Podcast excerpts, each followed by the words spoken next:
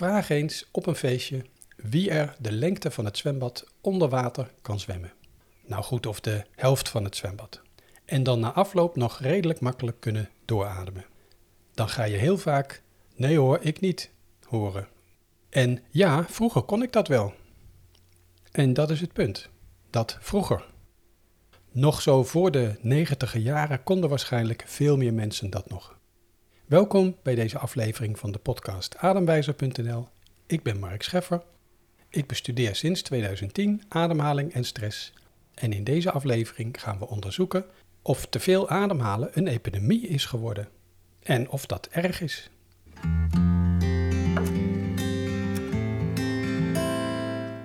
De Oekraïense arts Konstantin Buteyko ontwikkelde in de 50er en 60er jaren van de vorige eeuw een methode om de ademhaling gezond te maken.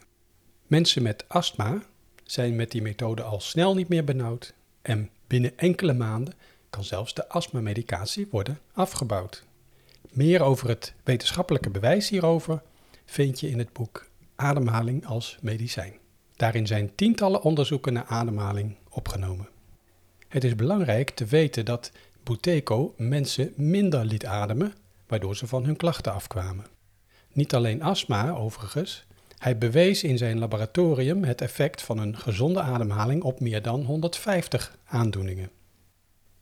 De manier om de gezondheid van de ademhaling te meten is je neus en mond dicht houden en timen wanneer je de eerste ademimpuls voelt. Dat aantal seconden zou volgens Buteyko 60 seconden moeten zijn uh, bij een optimale ademhaling. We noemen dit aantal seconden de controlepauze. Daar is recentelijk ook een andere benaming voor gekomen, namelijk de Body Oxygen Level Test, of BOLT score. Buteyko zag in de praktijk praktisch geen aandoeningen bij mensen die dat aantal seconden van 60 haalden. Daar komt dus die vraag vandaan die je op een verjaarsfeestje kan stellen, over wie er lang onder water kan zwemmen. Want lang onder water zwemmen vereist een gezonde ademhaling. In deze podcast kan je te weten komen dat dat weinig te maken heeft met je longvolume. Maar dat is onderdeel van een andere aflevering. Ik voelde me toen ik tot Buteco-therapeut was opgeleid eh, nogal verlegen met de claim die in de Buteco-wereld wel wordt gelegd dat een gezonde ademhaling wel 150 aandoeningen kan laten verdwijnen. Hier wil zeker iedereen binnenhalen, werd er wel eens gemopperd aan de telefoon als mensen met mij kennis maakten. Ik ben het met die claim inmiddels ook niet meer eens. Ja, ik nam hem eerst aan, want je wordt opgeleid en je neemt aan wat je hoort. Maar ik ben wel geneigd om kritisch te zijn over wat ik hoor, ook naar mezelf toe overigens. Ik ben het dus niet eens met dat uitgangspunt uh, in de buteco-wereld dat ademhaling de veroorzaker is van zoveel gezondheidsklachten. Het is in mijn ogen maar de halve waarheid. Het klopt dat een ontspoorde ademhaling allerlei gezondheidsklachten teweeg kan brengen. Maar de vraag die gesteld moet worden is waarom de ademhaling uit de hand loopt. En daar ben ik het fundamenteel oneens met Buteco. Die stelt dat chronische hyperventilatie de oorzaak is van zoveel gezondheidsklachten. Natuurlijk is het heel vervelend als je veel minder zuurstof opneemt door chronische hyperventilatie. Maar er was naar mijn gevoel meer aan de hand. Er is trouwens ook nogal een cult ontstaan rond die 60 seconden, hè, dat 60 seconden optimum van Buteco. Waarbij sommige hardcore Buteco-beoefenaren maximaal 6 uur slapen en zich suf trainen om maar een zo hoog mogelijke controlepauze te hebben. Ik zie dan hele serieuze gezichten en eerlijk gezegd met wel weinig humor. En dan klopt het in mijn ogen niet helemaal. Want zonder humor neem je jezelf, denk ik, iets te serieus en heb je ook kans dat er weinig zelfkritiek is, weinig zelfreflectie en er te veel aan principes wordt vastgehouden. Dan is er ook weinig opening voor vernieuwing en verandering. Ik prijs zelf altijd mijn cursisten als ze me iets vragen wat ik niet weet. Goeie vraag, 20 punten extra. Die gaan we uitzoeken. Maar eerlijk is eerlijk, ik was er in mijn beginjaren als ademtherapeut als de dood voor. Want wat wist ik toen nog weinig van hoe het in de dagelijkse praktijk allemaal gaat als je met de ademhaling aan de slag gaat. We komen hier al dichter bij het onderwerp chronische hyperventilatie epidemie. Maar om daarover te kunnen spreken, moeten we eerst wel weten waarover we het precies hebben. We zouden kunnen stellen dat we een ademhalingsepidemie hebben, want hoeveel mensen halen die optimale 60 seconden van de arts en onderzoeker Buteco? Ook Buteco zag dat het aantal seconden van die controlepauze in de loop van de jaren aanzienlijk daalde. In de lezingen die hij gaf en waarin hij het publiek de controlepauze liet doen, zag hij in de laatste decennia van de vorige eeuw de controlepauze steeds verder dalen. En dat is opmerkelijk. Veel wat oudere mensen vertellen mij in de praktijk dat ze vroeger wel het zwembad onder water konden afleggen, maar nu niet meer. En van jongeren hoor ik eigenlijk maar weinig dat ze dat ooit hebben gekund. Wat is er dan aan de hand? Nu zat die optimale controlepauze van 60 seconden mij al een aantal jaren behoorlijk dwars. Ik haalde zelf bij lange na niet die 60 seconden. Terwijl tot mijn verbijstering een van mijn eerste cliënten in een paar maanden over de 60 ging en zelfs tot 80 seconden kwam. Je hoort hem trouwens zelf spreken over wat het effect hiervan was op zijn gezondheid in de aflevering Wonderlijke verdwijning luchtwegklachten. Ik was wel heel blij dat ik door Buteco-technieken van die akelige 10 seconden afkwam, eh, waardoor ik eindelijk weer kon slapen. Zeker zo naar het einde van de winter toe, als mijn weerstand wat minder was, moest ik zoveel hoesten als ik ging liggen om te slapen, dat ik s'nachts een paar uur in een tuinstoel in de huiskamer, half achterover, maar een paar uurtjes slaap kon pakken. Ik voelde me na een paar weken een zombie. En dan heb ik het niet eens over de andere klachten waar ik last van had.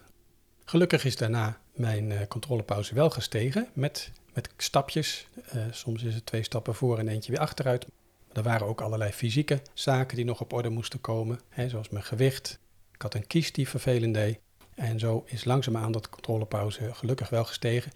Uh, ik heb hem vlak voor de COVID-epidemie, ook een epidemie over, waar we heel veel last van hebben gehad natuurlijk, uh, heb ik hem nog gemeten. Toen was tot mijn verbazing was het 50 seconden wat ik toen meten. En toen ik kort erop de COVID kreeg, nou, ik, mijn lichaam die was furieus. Die heeft die COVID keihard aangepakt. Ik was eerst werd ik heel erg koud in mijn lijf, dat ik s'nachts zelfs handschoenen aanwouw in bed. Zo, zo koud had ik het. En daarna werd het heel erg warm in mijn lijf. Gelukkig niet boven de 40 graden. Maar... En eigenlijk was binnen, nou ik meen binnen een week, was, uh, ja, was ik, en ik voelde me in die tijd super. Mentaal voelde ik me helemaal goed. Mijn lijf die was super aan het reageren op die, op die COVID. En uh, ik moest nog wel even een tijd, uh, kon ik niet ruiken. Maar dat is ook een hele slimme reactie van je lijf om te zorgen dat die zenuwen uh, knoppen worden doodgemaakt. Want daar zou eventueel dat virus je hersenen in kunnen. De reuk die gaat direct de hersenen in als enige uh, signaal. Uh, de, de, andere signalen gaan via de thalamus en andere wegen.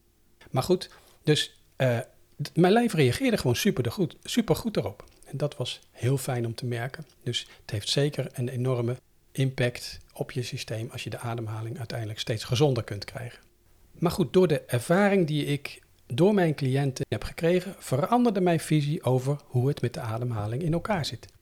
Ik ben nog altijd heel dankbaar dat die eigenwijze Oekraïner Buteco ontdekte hoe je het ademhalingscentrum kan herprogrammeren naar een gezonde ademhaling. Maar toch moest er in mijn gevoel meer aan de hand zijn dan een ontspoorde ademhaling. Ik, ik dacht tot dan toe dat ik iets fout deed en te weinig oefende om mijn controlepauze boven de 40 te krijgen.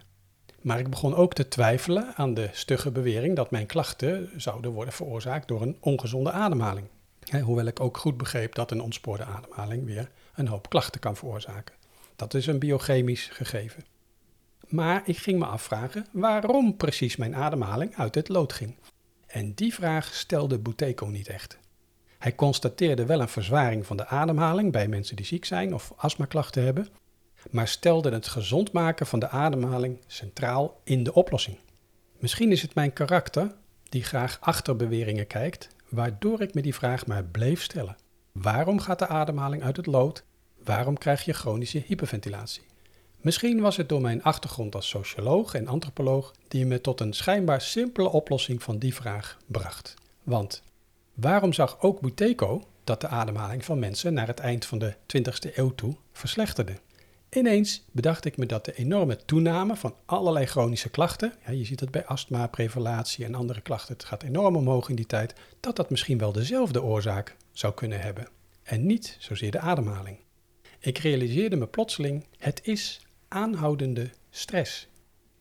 Stress is op zichzelf noodzakelijk om gezond te kunnen leven, alleen al om veilig de straat over te steken, maar aanhoudende stress zit het lichaam in de weg om op tijd mentaal en fysiek te kunnen ontspannen.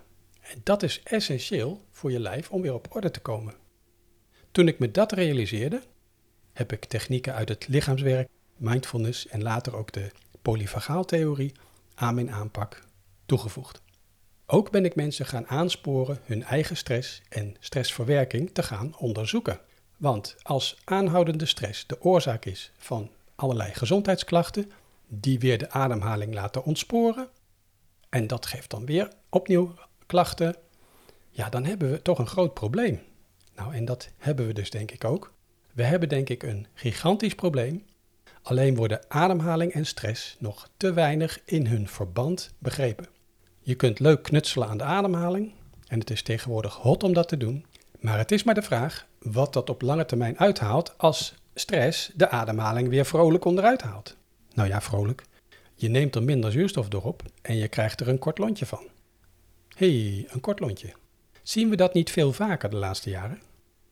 Als je weet dat ademhaling en stress elkaar sterk beïnvloeden, en als je ziet dat we in een samenleving leven waar stress eigenlijk als een normaal verschijnsel wordt gezien, dan is het niet zo moeilijk om vast te stellen dat we tegen een epidemie aankijken. Nu kun je dit natuurlijk ook als een stressepidemie benoemen, met gevolgen voor de ademhaling. Misschien is dat in theorie ook wel juister om te zeggen. Toch zeg ik liever hyperventilatie-epidemie of chronische hyperventilatie-epidemie, omdat daarin beter de nog zo onbekende gevolgen voor de ademhaling benoemd worden. Tja, en nu? Wat moet je met de constatering dat we in een hyperventilatie-epidemie leven? Ik maak er in elk geval een podcastaflevering van in de hoop dat meer mensen dit gaan bespreken en gaan herkennen. Ik hoop dat we gaan realiseren dat ons lichaam aanhoudende stress gewoon niet aan kan. En dat we te weinig doen om dat op orde te houden. Dat zie je aan de cijfers over stress en burn-out. De inmiddels als normaal geziene burn-out. En dan misschien nog eens een keer een burn-out. En allerlei kwalen die we krijgen omdat onze energie onvoldoende is. Uitval uit het werk. Relaties die daardoor onder druk staan. Er is zoveel aan de hand. Ik vind het vreselijk hoe vaak ik in mijn praktijk hoor dat mensen geen zin meer hebben in dit leven, omdat de hyperventilatie die ze al jaren ervaren niet wordt herkend en ook niet wordt begrepen en ze tot wanhoop brengt. Chronische hyperventilatie is in mijn ogen nog steeds een van de minst begrepen verschijnselen. Nee, dat overkomt mij niet. En dan wordt er vaak ook alleen gedacht aan acute hyperventilatie. Bovendien krijgt het vaak ook dat tintje dat het alleen voorkomt bij onzekere, angstige mensen. Ah, dat zit gewoon tussen de oren. En die misvattingen zijn de reden waarom we nu in die hyperventilatie-epidemie zijn beland. Nou, ik wil graag afsluiten met goed nieuws. Het goede nieuws is, we kunnen daar ook weer uitkomen. En daar gaan we in deze podcast zeker ook aandacht aan besteden. Dank voor het luisteren eh, en kijk bij je de volgende keer in het zwembad eens hoe lang je onder water kan zwemmen. Je kunt ook de ademtest doen op ademwijzer.nl. Ik tref je graag weer in een andere aflevering.